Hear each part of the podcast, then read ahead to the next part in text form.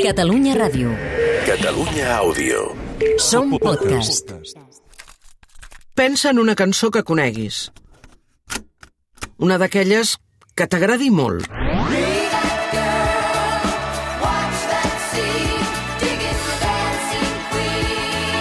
Ara imagina't com sonaria si l'escoltessis a l'inrevés. Doncs és exactament així com s'investiga l'origen d'un incendi. Des del punt on ha acabat fins al lloc on ha començat. És el més similar a desfer el recorregut del foc. Són moltes hores de feina per trobar la pista. Terra cremada. La vida d'un incendi. Capítol 7. La pista. Jaume, què tal, com estàs? Hola, bon dia. Si algú et demana qui ets, què fas, què li diries? Bueno, sóc el, el cap regional de la Catalunya Central dels agents rurals i la, la meva responsabilitat és coordinar el treball dels agents aquí de la, pel que fa a la, a la Catalunya, a les, a les comarques, a les set comarques de la Catalunya Central.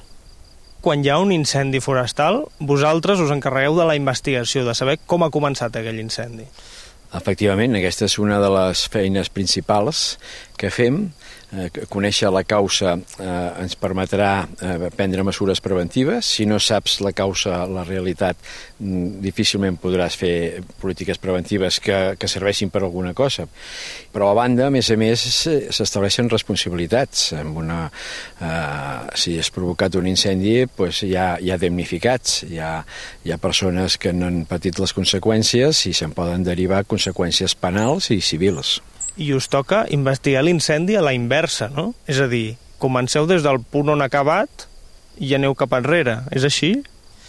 Bueno, per començar, nosaltres eh, apliquem un mètode de vestigis d'evidències físiques del foc, eh? que és intentar fer la moviola del, de les marques, els senyals que ha fet el foc en sentit contrari.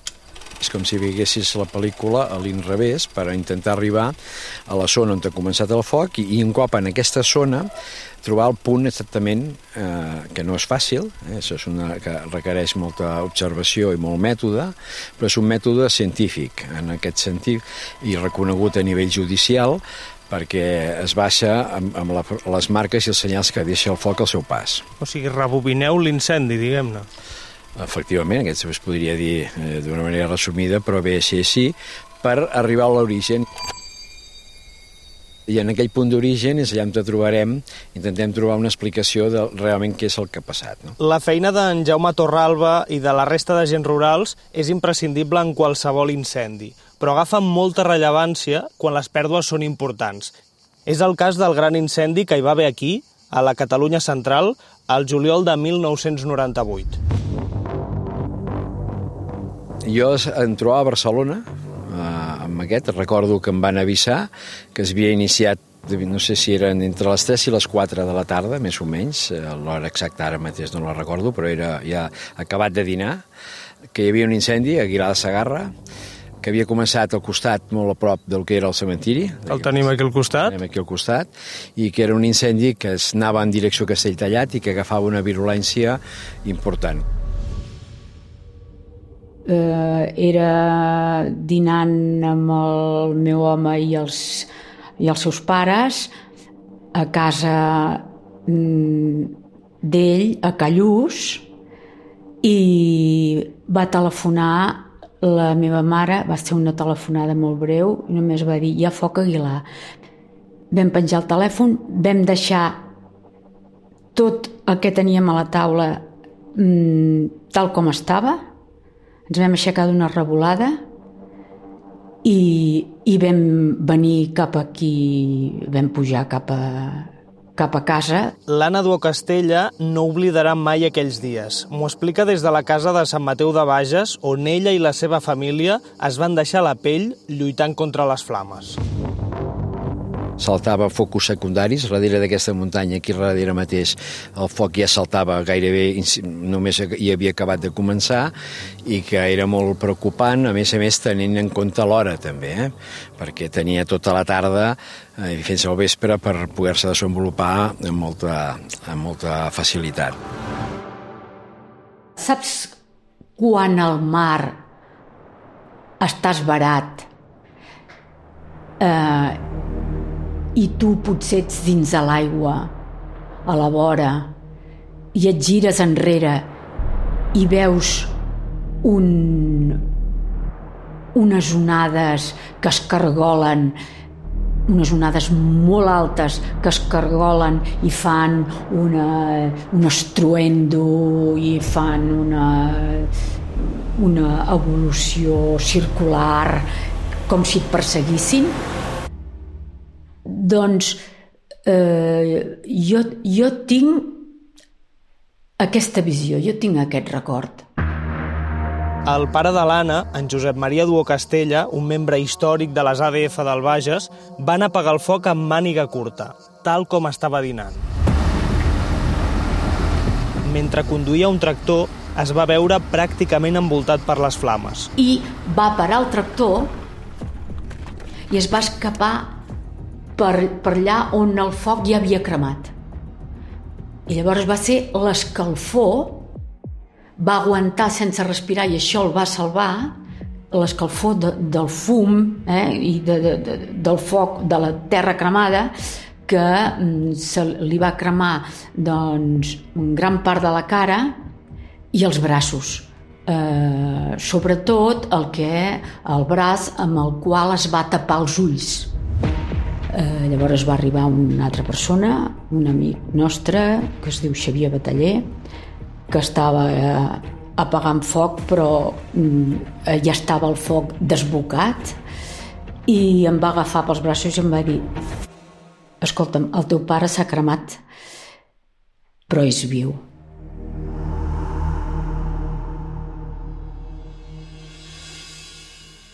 El 19 de juliol, un dia més tard, el foc havia cremat 1.000 hectàrees. L'incendi ja no es movia i es donava per controlat.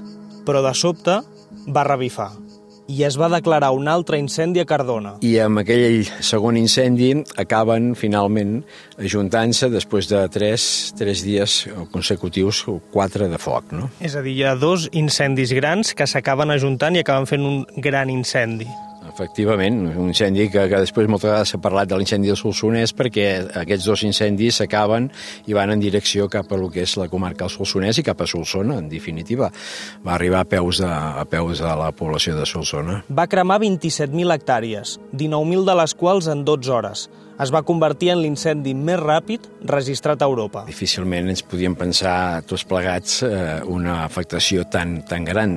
27.000 hectàrees, em sembla que són 17, hi va haver 17 municipis afectats i, i bastants que es va cremar la totalitat del municipi, que se crema tot, és com una, és com una guerra això, eh? vull dir que és un incendi que tu, tu a molts llocs et ficaves al mig i donaves la volta i tot ho veies cremat, totes les muntanyes, al nord, al sud, a l'est i a l'oest, i una situació terrible per la gent que hi viu, que, que hi vivia, i que és una zona molt poblada on hi ha moltes masies i on hi havia molta activitat del sector primari, molta ramaderia. Aquesta gent pues, ho va passar eh, molt, molt, molt malament, no? Una part del paisatge de la Catalunya central va canviar radicalment en qüestió d'hores. Des del primer minut, en Jaume i el seu equip tenien una missió. Havien de descobrir quin era l'origen d'aquell incendi que havia provocat tantes pèrdues. I enmig d'aquest caos, tu, Jaume, arribes aquí, al cementiri d'Aguilar de Sagarra, i què et toca fer? Imaginem-nos que és aquell dia, eh? 18 de juliol, tu arribes aquí. Què fas? Bueno, inicies les tasques d'investigació. M'he d'imaginar tot això acordonat, aquí no hi podia passar ningú perquè s'estava investigant, Uh, I vosaltres què hi estàveu fent aquí? Pues nosaltres trobaràs una zona on hi haurà delimitada, normalment amb cinta, on no et permetrà l'accés, perquè si accedeixes pots perdre aquestes evidències físiques, el foc al seu pas deixa unes marques. Si ha anat en un sentit, et cremarà, et deixarà un vicell, et deixarà una marca, cremarà més per un cantó que per l'altre. Fa efectes protecció, exposició. bueno, és una mica molt llarg, eh, ara també, per explicar-te tot el mètode. Però va deixant un rastre, no? Va deixant un rastre i veuràs agents que van ficant banderes i van marcant les zones on per allà ha agafat el foc. Després, quan tens unes quantes d'aquestes banderes, te'n vas donant compte que, i et va marcant i et va tancant la zona i delimites, en sentit contrari, eh, cap a l'origen. Eh? Seria una mica com una moviola al revés.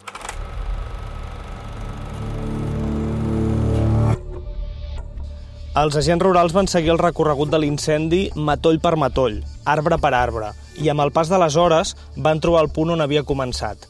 Era el peu d'una línia d'alta tensió, a tocar del cementiri d'Aguilar de Sagarra, una línia que els veïns havien denunciat en diverses ocasions que estava en mal estat. Aquest punt d'inici ens portava a un corredor, aquí hi havia un corredor, una zona que corresponia a una línia elèctrica, que també es havia netejat, havia, es havien fet uns treballs de, de neteja en aquell moment de tala, feia unes setmanes abans, i això corresponia una mica a aquest punt d'inici a la vertical on hi havia uns conductors, aquests conductors que tu veus aquí dalt. Però els faltava informació.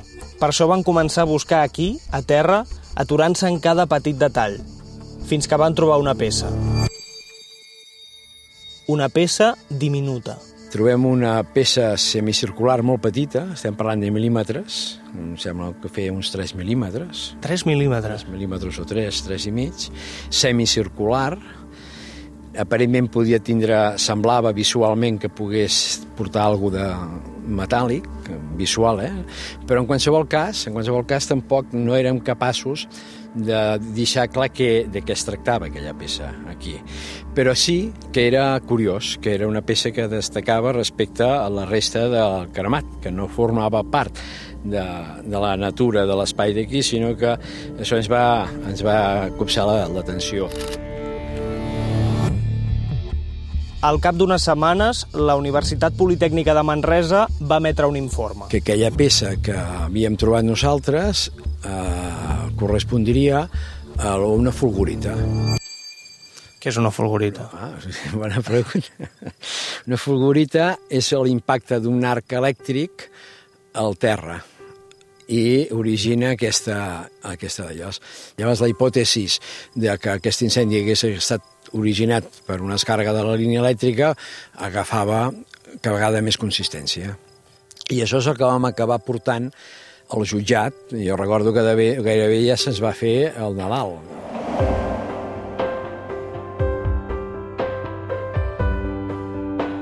El 2008, l'Audiència de Barcelona va condemnar a dos exdirectius de FEXA Endesa a dos anys de presó i a indemnitzar més de 10 milions d'euros a una trentena d'afectats. Afectats com el pare de l'Anna. Tinc la satisfacció que el meu pare va morir mm, que la justícia li, li havia donat la raó tot i que no havia vist cap caler, cap cèntim, eh?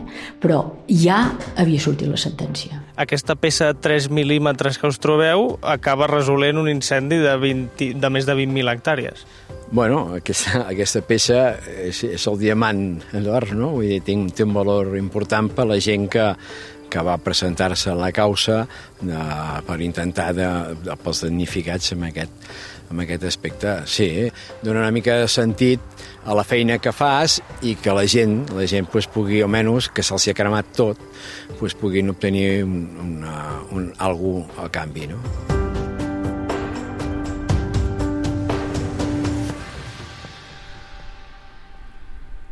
El foc s'ha apagat, els bombers han marxat i els investigadors ja han trobat l'origen de l'incendi. Ara només queda esperar.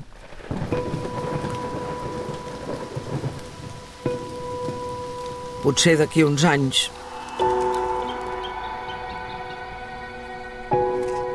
tot tornarà a ser com abans.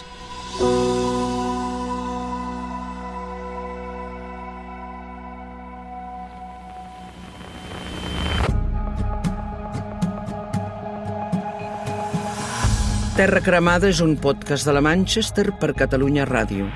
Direcció i locució, Nil Marvà. Guió, Xènia Santigosa.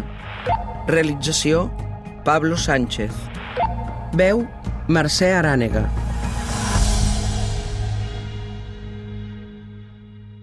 Catalunya Ràdio. Catalunya Àudio. Som podcast. podcast.